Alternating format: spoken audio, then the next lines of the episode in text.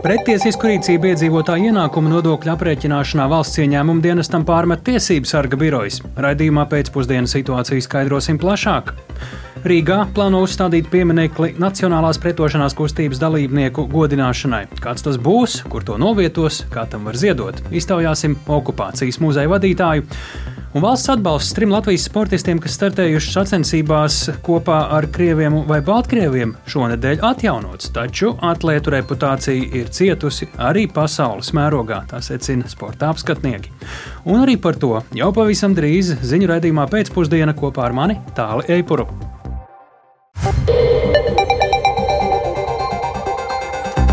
Ir 16,5 minūtes, skan pēcpusdienas ziņu programma, skaidrojot šodienas svarīgus notikumus. Studijā tālāk Eipors. Ir sākusies vienota sabiedriskā medija finansēšanas modeļa apspriešana. Tam īpaši veidotā darba grupa šodien savā pirmajā sēdē vienojās par aprēķinu precizēšanu nolūkā piecu gadu laikā sasniegt Eiropas Savienības valstu vidējo finansējumu līmeni sabiedriskajiem medijiem. Un attiecīgus likuma grozījumus ir iecerēts sagatavot jau šo pavasaru, lai saima tos pagūtu pieņemt jau līdz Jāņiem. Par to vairāk ir gatavs pastāstīt eh, kolēģis Jānis Kīncis. Sveiks, Jāni, lūdzu! Sveiks, tēls, sveicināti klausītāji. Jā, saima šajā nedēļā tika līdz konceptuālam atbalstam sabiedrisko mediju apvienošanai un apvienotā sabiedriskā mediju izveidēji. Un paredzēts, ka jau nākamā gada 1. janvārī darbu sāks apvienota juridiskā vienība Latvijas sabiedriskais medijs, kurā Latvijas radio, Latvijas televīzija un portāls LSM saglabātos kā atsevišķas vienības. Tajā skaitā saglabātos arī atsevišķi ziņu dienesti. Taču plānota Latvijas radio un Latvijas televīzijas atbalsta struktūras aplūšana iegūšana. Savukārt līdz aiznākamajam gadam jāsagatavo apvienotā mēdīja vidējā termiņa stratēģija, un ar to ir saistīta arī finansējuma modeļa maiņa. Sabiedrisko elektronisko plašsaziņas līdzekļu padomus ieskatā sabiedrisko mediju finansējums turpmāk būtu saistāms ar daļas konkrētu nodokļu, piemēram, akcijas nodokļa vai iedzīvotāja ienākuma nodokļu ieņēmumu novirzīšanu sabiedriskajam medijam. Un pirmajā sēdē, tātad šīs darba grupas pirmajā sēdē, šī ideja ir izklāstīta detalizētāk. Paklausīsimies, ko par to teica padomus vadītājs Jānis Siksnis. Pirmkārt, vēlreiz atgādināt eh, pašu koncepciju, kādēļ eh, mēs uzskatām, ka ir nepieciešams mainīt eh, sabiedriskā mediju finansēšanas modeli, lai padarītu to neatkarīgāku, stabilāku, prognozējamāku, respektīvi, lai sabiedrība iegūtu vairāk izcila satura, lai mēs kā sabiedrība būtu drošāki pret dezinformāciju un no citiem mūsdienu riskiem. Paši mediji, radio un televīzijas pārstāvji iepazīstināja darba grupu ar pozīcijām, kam šī nauda, papildus nauda būtu nepieciešama. Un tādu tiešām ļoti daudz, sākot ar, ar cilvēku atalgojumu un, un papildus satura e, vajadzībām. E, ļoti svarīga pozīcija ir infrastruktūras jautājumi. Un visbeidzot, e, mēs apzināmies, ja sabiedriskajos mēdījos tiek ieguldīts ievērojami vairāk finansējuma, tad, protams, ir jābūt arī kādam veidam, kā tiek mērīts Eh, cik veiksmīgi šis finansējums tiek izmantots, ko sabiedrība no tā iegūst, kādi ir rezultatīvie rādītāji, kādi sabiedriskiem mēdījiem būtu jāsasniedz. Tātad mērķis ir piecu gadu laikā tiekties uz Eiropas Savienības valstu vidējo līmeni sabiedrisko mediju finansēšanai, kas ir 0,16% no iekšzemes koprodukta. Un darba grupa šodien vienojās līdz nākamajai sēdē pēc divām nedēļām precizēt aprēķinus, par kādām summām ir runa. Un e, tas princips, tā pamatbūtība ir tāda, ka sabiedrisko mediju finansēšana no konkrētiem nodokļiem ļautu to darbu plānot ilgtermiņā. Jānis Siksnis gan atzina, ka Finanšu ministrijas nostāja par šādu pieeju ir skeptiska, jo tas nebūs, nebūtu solidāri pret citām nozarēm. Padomi tam gan nepiekrīt un centīsies nepieļaut, ka ik gadu sabiedriskiem medijiem vajadzīgais finansējums jāprasa no jauna, kas draudētu ar tā nepietiekamību arī turpmākajos gados. Es arī atgādināšu, ka šīs darba grupas izlēmīgu rīcību un skaidrības viešanu sagaida arī finanšu ministrs Arvils Ašarādēns no jaunās vienotības. Viņš pagājušajā nedēļā raidījumā Krustpunktā nekavējās arī atgādināt, ka par sabiedrisko mediju apvienošanu Latvijā runāts jau ļoti ilgi. Paklausīsimies! Es politikā tagad esmu, būs laikam 13. gads, visu laiku dzirdu sarunas par apvienošanu es joprojām gribu redzēt ļoti skaidru modeli, kā tas strādās. Mēs esam atvērti diskusijai par to, kā, kā to finansēs, bet ir jāsaprot, ko finansēs. Nu, šai vadības vienībai ir jānāk ar skaidru, saprotamu lēmumu, kas tas būs. Skaidra funkcionalitāte, kas tas būs un kā tas darbosies, un ko mēs sabiedrība visi kopā dabūsim no tā. Tas šobrīd nav. Tā, nu, šis ir, manuprāt, tāds neefektivitātes kalngals. Ja vajag, var izdarīt ļoti ātri. Ja grib izdarīt, ja, ja negrib, tad var 13 gadus ar to nodarboties. Es gribu teikt, ka ļoti skaidri lēmumi un, un tad ejam uz priekšu. Bet kādā ziņā gatavība to atbalstīt mums ir. Vēl piebildīšu, ka sabiedrisko mediju apvienošana pāraugošajā saimas cilvēktiesību un sabiedrisko lietu komisijā šiem plāniem arī ir pausts te jau vienbalsīgs atbalsts. Un, eh, Darba grupu, darba grupu sabiedrisko mediju finansējuma modeļa pārmaiņas cer sagatavot līdz māja beigām, lai šie likuma grozījumi saimā tiktu izskatīti līdz vasaras pārtraukumam. Tas ierasti ir neilgi pirms Jāņiem. Tā kā noteikti sekosim līdzi, kā šie plāni virzīsies turpmākajos mēnešos. Paldies!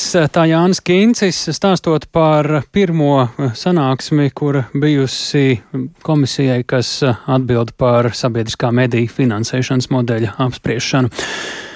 Valsts ieņēmuma dienests pretiesiski aprēķinājis nodokļus iedzīvotāju vietā. Tā secinājis tiesības sarga birojas savā pārbaudas lietā par valsts ieņēmuma dienestu rīcību. Secināts, ka iestāde pretiesiski aizpildījusi iedzīvotāju gada ienākumu deklarācijas un aprēķinājusi nodokļus to maksātāju vietā un to darījusi novēloti. Runa ir par tiem nodokļu maksātājiem, kuriem jāiesniedz deklarācija, bet kuri to tā arī noteiktajā termiņā nebija izdarījuši. Lai skaidrotu situāciju, esam sazinājušies ar tiesību tiesību sarga biroja sociālo, ekonomisko un kultūras tiesību nodaļas vadītājs vietnieku Raimondu Koņuševski. Labdien! Labdien! Nu, zināms, ka uh, ieņēmuma dienas automātisko gada ienākumu deklarāciju aizpildīšanu un nodokļu aprēķinu ir izpildījis novēloti, un uh, pēc likumā noteiktajiem termiņiem, un eh, tas ir noticis laikā starp 18. un 20. gadu. Un eh, te runa ir par apmēram 100 tūkstošiem gada ienākumu deklarāciju. Kur šeit parādās tas pretiesiskums tajā, ka deklarācijas ir automātiski aizpildīts iedzīvotāju vai tajā, ka tas ir bijis par vēlu? Eh, tātad, nu, vispirms gribētu sākt ar to, ka šajā stāstā vispār nav strīda par to, ka nodokļu maksātājiem uh, E, bija pienākums iesniegt e, nodokļu deklarāciju un maksāt nodokli. E, strīds ir par to, kādā veidā valstsīm dienests ir aprēķinājis. Tātad valstsīm dienests ir aprēķinājis automātiski 21. gada vidū apmēram un par veciem gadiem, par 2018, 19 un 20 gadu. Un uh, tas pretiesiskums ir tajā, ka likumdevējs bija noteicis, ka šādu uh, atpakaļ vērstu aprēķinu ar jauno metodi var veikt tikai līdz noteiktam termiņam, un tas termiņš bija uh, 21. gada 1. marts un arī 1. maijs par 20. gadu. Uh, Valsts dienests ir sarēķinājis Respektīvi, brīdī, kad tika veikts šis aprēķins, jau vairs nevarēja par tiem aizgājušajiem gadiem to veikt, termiņš bija garām, ja? Tā tad nevarēja veikt šādā veidā, proti automātiski. Valstsiņam dienestam pēc šī termiņa noticējuma bija vienīgā iespēja veikt nodokļu pārbaudi vai no audita veidā vai datu atbilstības veidā un, un uzrēķināt nodokli automātiski to darīt nedrīkstēja.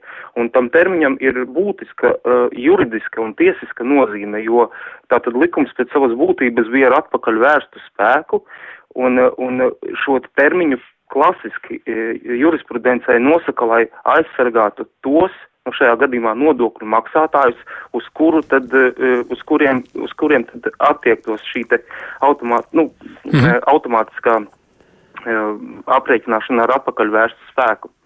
Labi, deklarācija ir jāiesniedz, jāiesniedz termiņā, par to nav jautājumu. Kāda būtu tad saprātīga un samērīga vide tikšana galā ar šiem deklarāciju neiesniedzējiem, ja termiņš ir nokavēts? Jūs pieminējāt šo auditu vai citādi, bet tas apjoms bija tik liels, vai tas vispār tehniski bija iespējams? Tad sanāk, ka varbūt jāmet miers būtu bijis tam, kas arī nešķiet loģiski, ja nav deklarācija iesniegta. Nu, viens ceļš, protams, tad ir to klasisko ceļu, otrs, uh, es domāju, ka tur uh, valsts viņam dienestam ar finanšu ministriju varbūt vajadzēja nākt kopā un iet pie likumdevēja un, un lūgt pagarināt šo te termiņu vai arī, nu, noteikt kaut kādu citu termiņu, ja to gribēja tiesiskos rāmjos mm -hmm. paveikt. Labi. Kādas sekas uh, līdz ar to cilvēkiem ir? Kādas sūdzības jūs saņēmāt? Kas ir tas lielākais, nu, ja to var saukt par postu, kas ir nodarīts?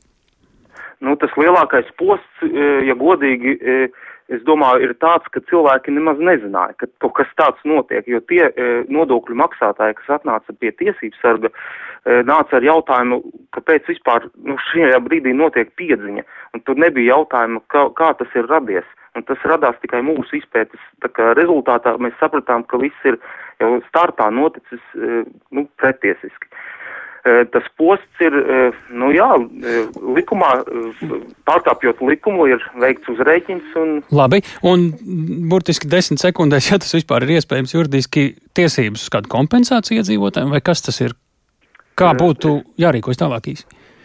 Es domāju, ka nu, tas ir viens ceļš, un otrs var būt lūgt, ja tur ir uzreikināta nokavējuma nauda, tad to nokavējuma naudu atcelt. Vismaz to tad, jā. Paldies jā. par sarunu. Raimons Koņšēvskis, Tiesības sarga biroja sociālo, ekonomisko un kultūras tiesību nodaļas vadītājs vietnieks. Valsts cieņām dienesta ģenerāldirektora vietniece nodokļu pārvaldes direktora Dats Pelēkā pie mūsu otras klausos. Labdien! Labdien! Kam piekrītat, kam ne? Uh Nu, vispirms es gribētu iezīmēt to kopējo ainu, uh, kas, uh, kas mazliet iezīmējās arī uh, tiesības sargas biroja pārstāvis teiktajā. Uh, nodoklis ir jāmaksā visiem, un uh, neviens uh, nevar saņemt uh, atlaidi no šī nodokļu maksāšanas tikai tāpēc, ka uh, cilvēks. Šeit par to arī nav strīda. Šeit runa ir par to uzrēķinu, kas ir kaut kādu kavējumu dēļ, un par uh, ieņēmuma dienesta vēlo rīcību. Par šo mēs mēģinām skaidrojumu no jums. Jā, jā paldies. Es uh, turpināšu savu stāstu.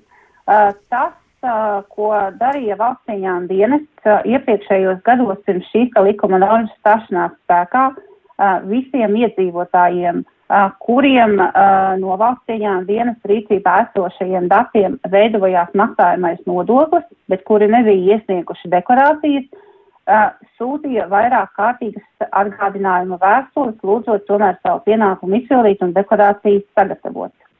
20. gada 20. gada beigās tātad sājuma mums piedeva jaunu instrumentu, ļaujot sagatavot un nosūtīt iedzīvotājiem jau gatavas deklarācijas, tātad ļoti individualizētu atgādinājumu ar konkrētām šīm maksājumām nodokļu summām.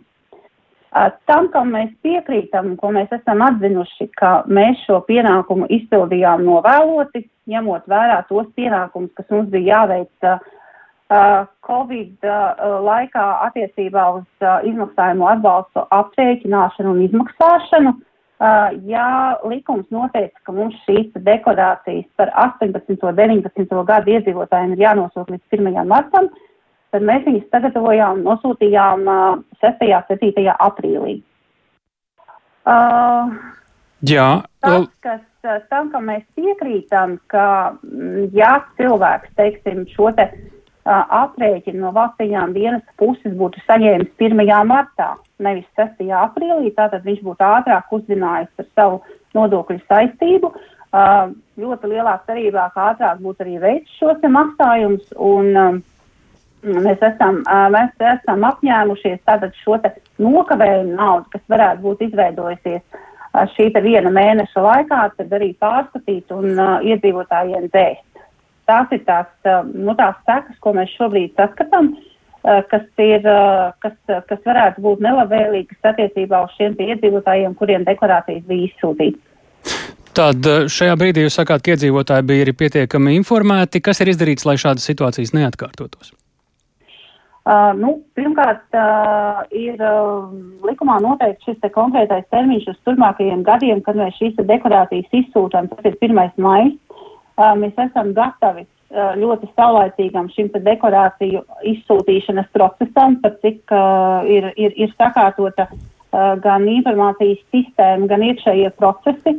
Kā jau es teicu, par iepriekšējiem gadiem viena lieta bija tā, ka mums bija jākāpjas uz atpakaļ par 18. un 19. gadu, un, un tas bija arī Covid laiks, kad bija ārkārtīgi daudz dažādu citu darbi darām. Uh, attiecībā uz iedzīvotāju informēšanu mēs joprojām turpinām ļoti plaši pirmsdeklarācijas sniegšanas periodā stāstīt iedzīvotājiem par obligāto pienākumu, kas nevienā brīdī nav mainījies. Bet tūkstošiem tas paslīd garām, kas jāmaina? Uh, nu, jāsaka, ka uh, pagājušā gadā iedzīvotāji bija miljons, kas iesniedz gadu ienākumu deklarācijas. Nu, tad, ja mēs paskatāmies uz 20. gadu, eh, piedodiet, uz, uh, jā, uz 20. gadu, ja jā. tie bija 50 tūkstoši, kuriem mēs izsūtījām šīs deklarācijas, tas, protams, ir uh, diezgan liels skaidrs, nav mazs, bet, nu, mēs turpināsim viņiem atgādināt.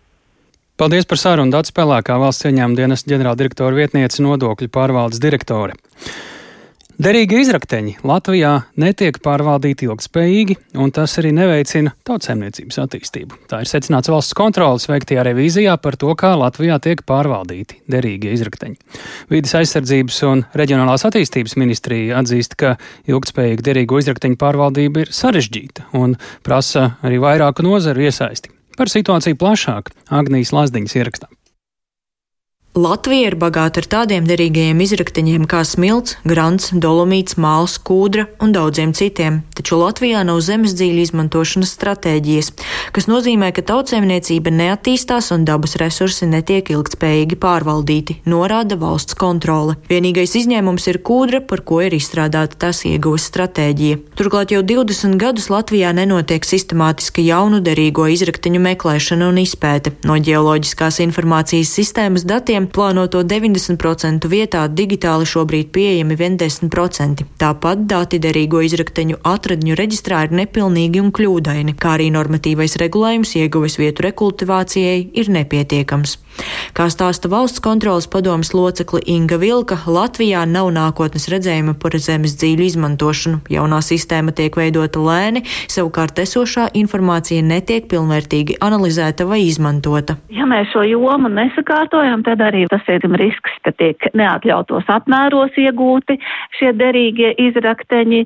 Tas rada risku arī ēnu ekonomikas palielināšanai, tas rada risku pēc tam jau šai vides degradācijai, attiecīgi arī risks negūtiem valsts budžeta ieņēmumiem, tas attiecīgi dabas resursu nodokļa veidā. Vides aizsardzības un reģionālās attīstības ministrija gan uzsver, ka sadarbojoties ar valsts vidas dienestu un Latvijas vidas ģeoloģijas un meteoroloģijas centru jau veids vairākus pasākumus, kas saistīti ar zemes dzīļu pārvaldības stiprināšanu, proti uzlabojot gan tiesību aktus, gan arī praktisko pārvaldību un kontroli. Arī vidas politikas pamatnostādnēs, jeb galvenajā vidas politikas plānošanas dokumentā līdz 2027. gadam ir iekļauti vairāki rīcības virzieni, kas attiecas uz zemes dzīļu un derīgo izrakteņu jomas pārvaldības uzlabošanu. Piemēram, ir izstrādāta zemes dzīļu informācijas sistēma un uzsākta valsts ģeoloģijas fonda materiālu digitalizācija, stāsta vidas aizsardzības un reģionālās attīstības ministrijas pārstāve Rudīte Vesere. Lai sakārtot datu kvalitātes un pilnīguma jautājums, tātad uzlabot to visu, tiešām ir nepieciešams gan šie finanšu instrumenti un finanšu līdzekļi, lai to varētu izdarīt. Atsevišķos gadījumos tas ir aizkavējies, tad plānot tie darbi varbūt nav izdarīti tik ātri, kā tas bija plānots. Un nākamais, protams, ir saistīts arī ar šo kontroli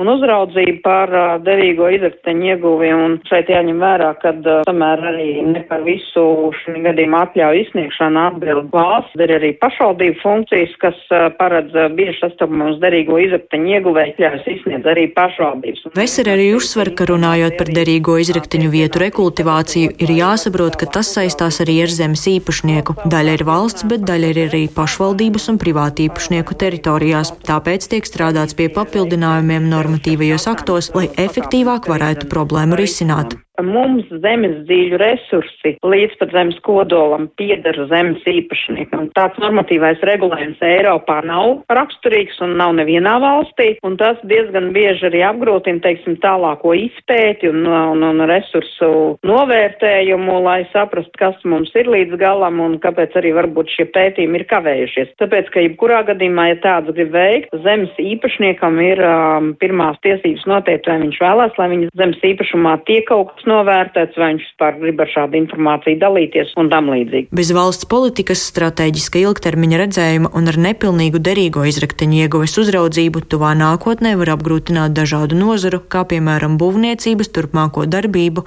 un attīstību. Agnija Lazdiņa, Latvijas radio. Tātad Latvijā secināts, ka īsti nav pilnvērtīgas zemes dzīļu izmantošanas stratēģijas un līdz ar to arī pienācīgas pārvaldības un faktiski arī nenotiek to meklēšana un izpēte, izrakteņa un arī dati digitālā formā pieejami vien par 10% no sistēmas kopējiem datiem. Cik daudz un kas vispār ir mūsu zemes dzīvēs? To uh, jautāsim Latvijas Universitātes Geogrāfijas un Zemes zinātņu fakultātes ģeoloģijas nodaļas vadītājam docentam Jānim Karašam. Labdien! Labdien! Kā jūs kopumā raksturotu atbildi uz šo jautājumu? Jā, nu, eh, klasiski mums eh, klejo eh, domas Latvijā, ka mums jau nekā nav, ka mums ir labākajā gadījumā kaut kas bišķiņ tikai. Tas īsti neatbilst patiesībai. Varbūt tās tas, ko mēs esam ierastāk zinām, tad mums ir smilts grants resursi, mums ir kūdras resursi, sapropelis Šīs varbūt ir tās lietas, ko parasti mēs domājam, domājot par Latvijas derīgiem izrakteņiem. Tad pašā laikā nevajag aizmirst, ka pie mums tomēr arī gan eh, dolomīti iegūst, gan ģips un kaļķakmeni. Tāpat tās arī pazemes ūdeņi ir ļoti nozīmīgs resurss, un ņemot vērā globālās klimata pārmaiņas, šie ūdens resursi mums būs vēl nozīmīgāki. Un, ja mēs par, par kaut ko eksotiskāku savukārt runājam, tad jau uh, padomju laikā tika konstatēts, ka mums arī dziļākajos slāņos, tā saucamajā kristāliskajā pamatklintājā, kas ir dziļumā uh, vidzemē ap 300 metriem, kurzemē -hmm. varbūt tās jau 2 km dziļumā, tur mums arī daudzi uh, redzami elementi un specifiski metāliski elementi, kas balstoties uz mūsu vēlmi nākotnē dzīvot zaļi, tad mums būs jābūvē daudz vēja turbīnas, saules paneļi, tādi ķīmiski elementi kā niķels un chroms mums būs jāiegūst piecreiz vairāk, lai mēs īstenotu visus šos te mūsu klimata izmaiņu ambīcijas. Un tas, tas viss mums arī ir īstenībā. Potenciāls gan liels, kā jūs vērtējat līdz ar to, cik svarīgi un korekti īsumā ir šie iepriekš dzirdētie valsts kontrolas secinājumi? Eh, valsts kontrolas secinājumi lielā mērā ir eh, patiesi un eh, tā situācija nav tā labākā. Šie te dati arī, protams, viņus arī ģeoloģijas meteoroloģijas centrs mēģina digitizēt savu resursu robežās, bet kopumā šis te vēsturisko datu apjoms ir liels un, un plānveida izpēte mūsdienās tiešām nenotiek, kas ir ļoti žēl. Uh, jo tas, tas ir parasti kā tomēr tas tiek organizēts, kad ir arī kaut kāda mērķiecīga izpēta, nevis tikai mēs gaidām, mm. ka kāds ieradīsies pie mums no ārzemēm un izdarīs mūsu vietā visu.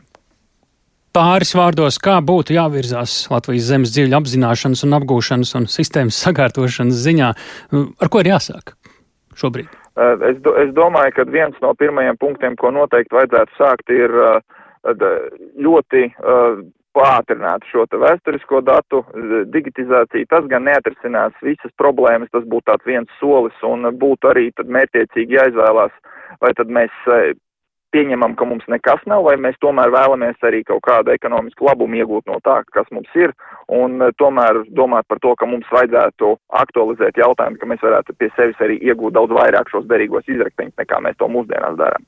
Paldies! Sakām Latvijas Universitātes Geogrāfijas un Zemes zinātņu fakultātes ģeoloģijas nodaļas vadītājiem docentam Jānim Kārušam. Bet kā nodrošināt un veicināt strateģiski svarīgo izēju materiālu piegādes Eiropas Savienībai laikā, kad tiek apdraudēti piegāžu ceļi un nav konkurence par izēju materiāliem?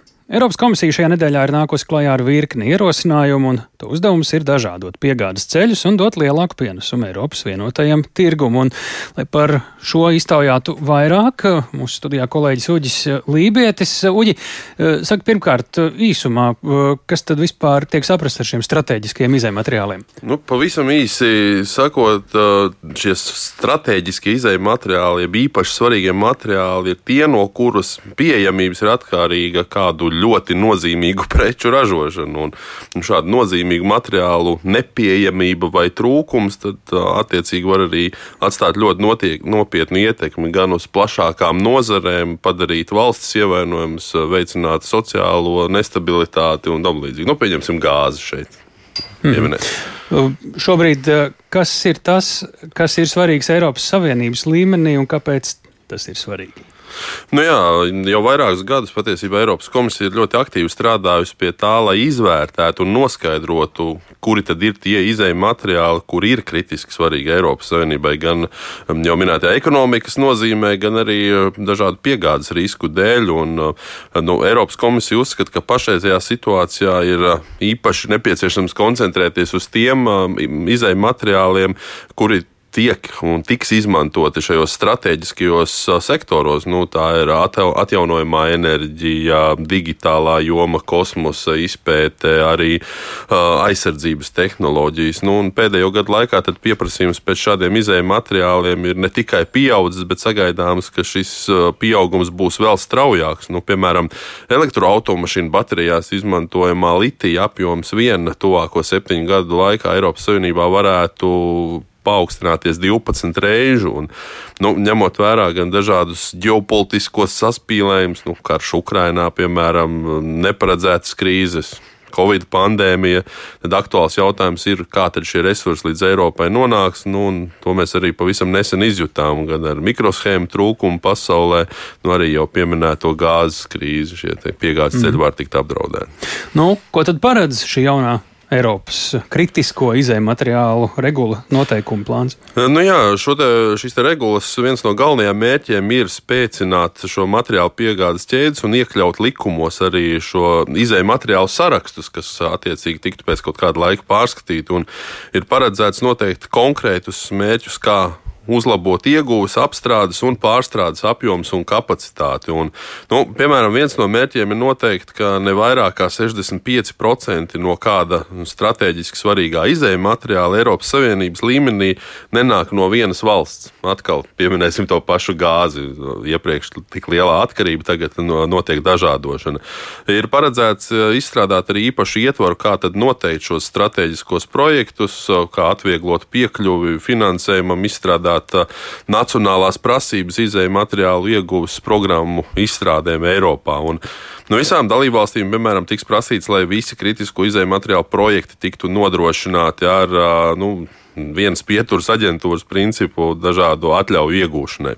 Nu, un, kā jau arī minēju iepriekš, tad ļoti svarīga joma ir arī tieši kritisko izēju materiālu atkārtotai izmantošanai un pārstrādei. Un dalību valstīm un arī atsevišķiem uzņēmumiem, tad tiktu par pienākumu uzlikts atgūt šos kritiskos izējuma materiālus gan no projektu, produktiem izmantotiem, gan arī vienkārši no atkritumiem. Un, un tad, skatoties nākotnē, šo kritisko izējuma materiālu regulējumu, tad uzdot arī rūpīgi sekot arī dažādām izmaiņām piegāžu -hmm. ķēdēs un uzraudzīt, kā šie, kādas ir rezerves dalībvalstīs un slēgt alianses, veidot alianses ar šiem piegādātājiem.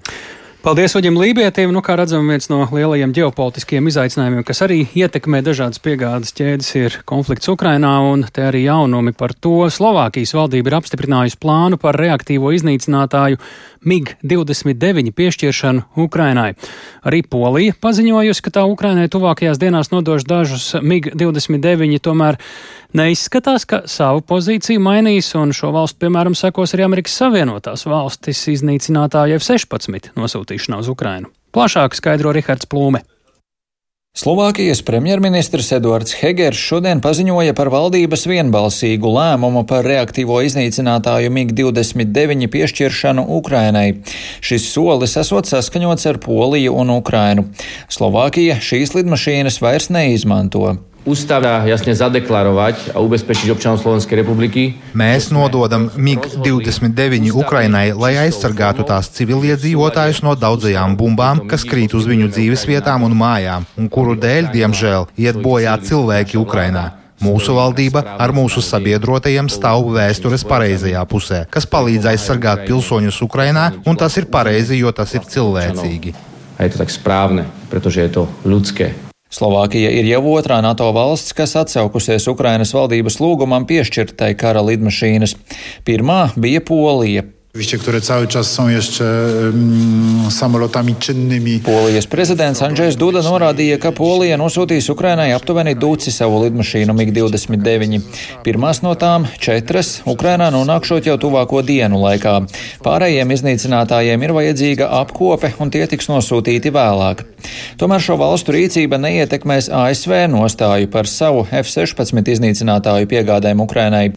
Proti, ASV prezidents Džo Baidens februārī intervijā telekanālam ABC News paziņoja, ka Ukrainai tagad nav vajadzīgi F-16 iznīcinātāji. Tagad Baltais nams skaidrojas, ka ASV nostāja joprojām nemainās un ir svarīgi, lai Ukrainai būtu ne tikai pareizie ieroči, bet arī tādi, kurus Ukraiņi var izmantot. Atsevišķi eksperti un ASV amatpersonas atzīst, ka iznīcinātājiem, kas ir modernāki par MiG-29, ir nepieciešami gan citādāki lidlauki, gan laikietilpīga Ukrāņu pilotu apmācība, tādēļ tos nebūtu lietderīgi nodot. Diskusijas par iznīcinātāju piegādēm Ukrainai gan joprojām turpinās, tiesa nevisai publiski. Sarunu norisi apliecina arī Dānijas premjere Mete Fredriksena, kas atzina, ka arī Dānija apspriež iznīcinātāju piegādi Ukrainai. Kaujas lidmašīnas jau sen ir pieprasītas no Ukrainas, un par to mēs runājam sabiedroto valstu lokā. Tātad, jā, mēs apspriežam to ar saviem sabiedrotajiem, un es zinu, ka tas ir kaut kas, kas tiek apsverts sabiedroto grupā. Es par šo tēmu sīkāk nerunāšu, bet tā ir liela vēlme no Ukrainas. Vēl šonadēļ arī Somijas premjere Sanna Marina paziņoja, ka ir gatava apspriest kaujas lidmašīnu piešķiršanu. Tikmēr Kremlis, reaģējot uz Polijas un Slovākijas paziņojumiem, jau piedraudējis, ka iznīcināšot visus iznīcinātājus, ko Ukrainai piešķirs sabiedrotie. Šādi varonīgie draudi izskanējuši jau arī iepriekš saistībā ar rietumu tankiem. Un gan jau arī šoreiz Krievijas propaganda drīz ziņos par pirmajiem it kā notriektajiem rietumu iznīcinātājiem Ukrainā, kuri vēl patiesībā Ukrainā nemaz nebūs paspējuši nonākt. Rihards Plūme, Latvijas radio.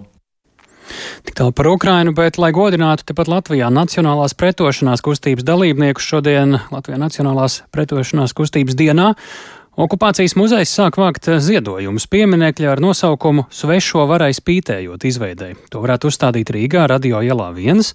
Telnieka Kristapa Gulbja veidoto pieminekli paredzēts uzstādīt vietā, kur 1963. gadā 5. decembrī, toreiz 22 gadus vecais Rīgas aviācijas institūts students Bruno Javošs augstajā radiotornī tieši pretī policijas ēkai uzlika, milicijas ēkai uzvilka neatkarīgās Latvijas sarkanbaltsarkano karogu. Tik tālu par pamatiem, bet, lai saprastu, ko mēs vispār domājam, sakot, Nacionālā pretošanās kustība dažos vārdos un citām detaļām pie mūsu klausos okupācijas muzeja direktors Olvita Vība. Labdien! Labdien! Nacionālās pretošanās kustība dažos vārdos atgādinām, uz kuru laiku, par kuru kustību ir runa.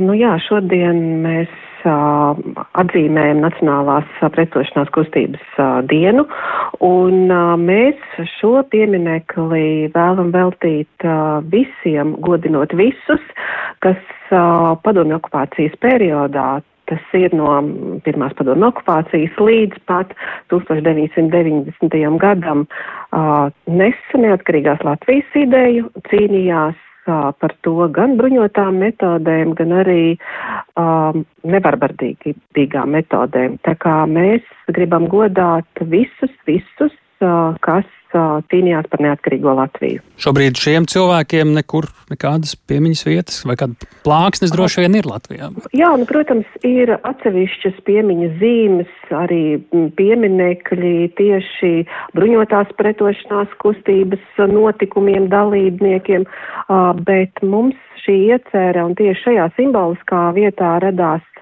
nu, teiksim tā, paplašinot šīs vietas saturu, ja tā var teikt, jo tad, kad 20. gadā mēs par to sākām domāt un arī runājām ar Bruno Javoišu, viņa doma bija tāda, ka ne jau viņš vienīgais un ne viņam vienīgam šis piemineklis būtu domāts, bet tas būtu domāts tiešām visiem, visiem, kas cīnījās pret padomju okupāciju.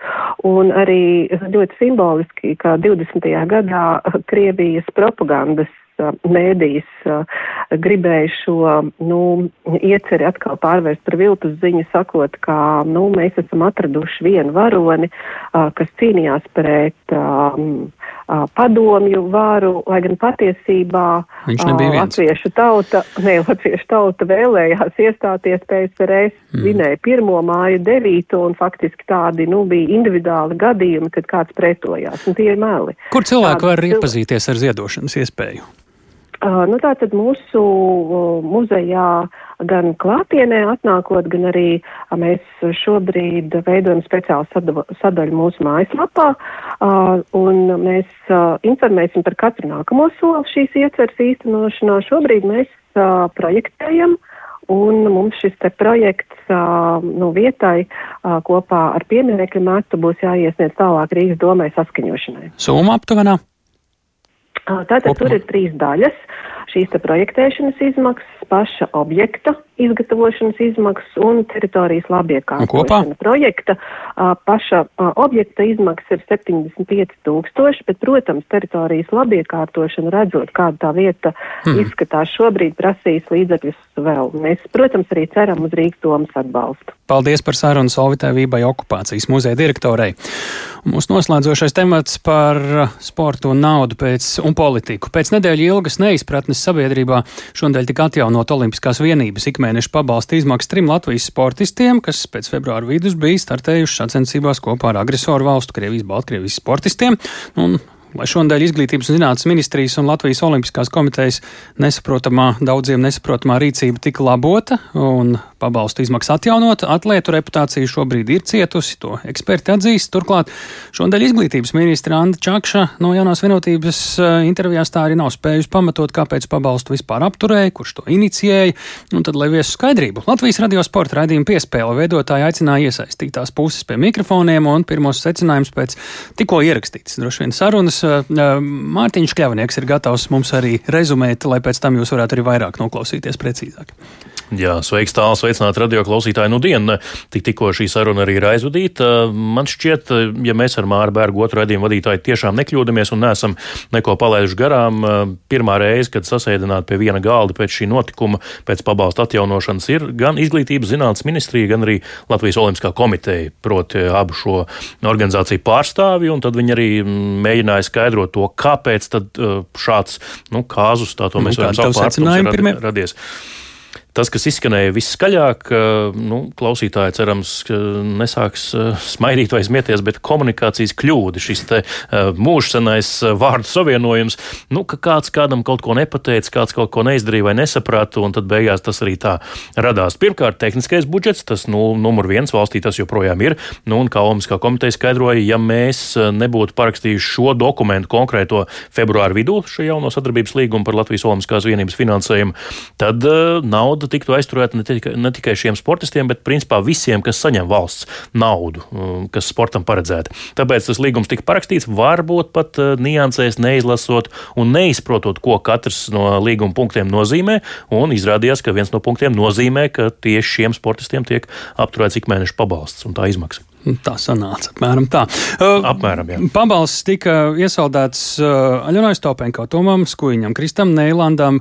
Uh, Un arī Danielai Vismanai un Darēji Semeņīstējai, bet uh, paziņojumā mēs redzam, ka pabalsta atjaunošana ir tikai trim no viņiem, un uh, šīm divām pēdējām tenisistēm tur šī viņu vārda nav. Ko tas nozīmē?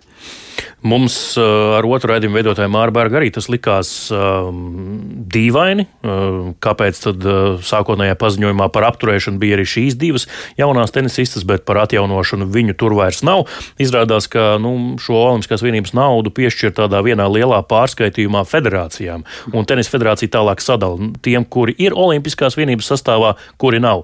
Tā kā mm, šīm abām jaunajām tenisistēm Olimpiskās vienības ikmēneša pabalsts nepienāks, viņām pienāks tikai tas, Olimpiskās vienības atbalsts, ko sauc par nu, treniņu nometņu un uh, treniņu darba nodrošinājumu naudu. Tāpēc mm -hmm. to uh, šādu pabalstu viņām vienkārši nevarēja apturēt, jo tāds, tādu viņas nesaņem.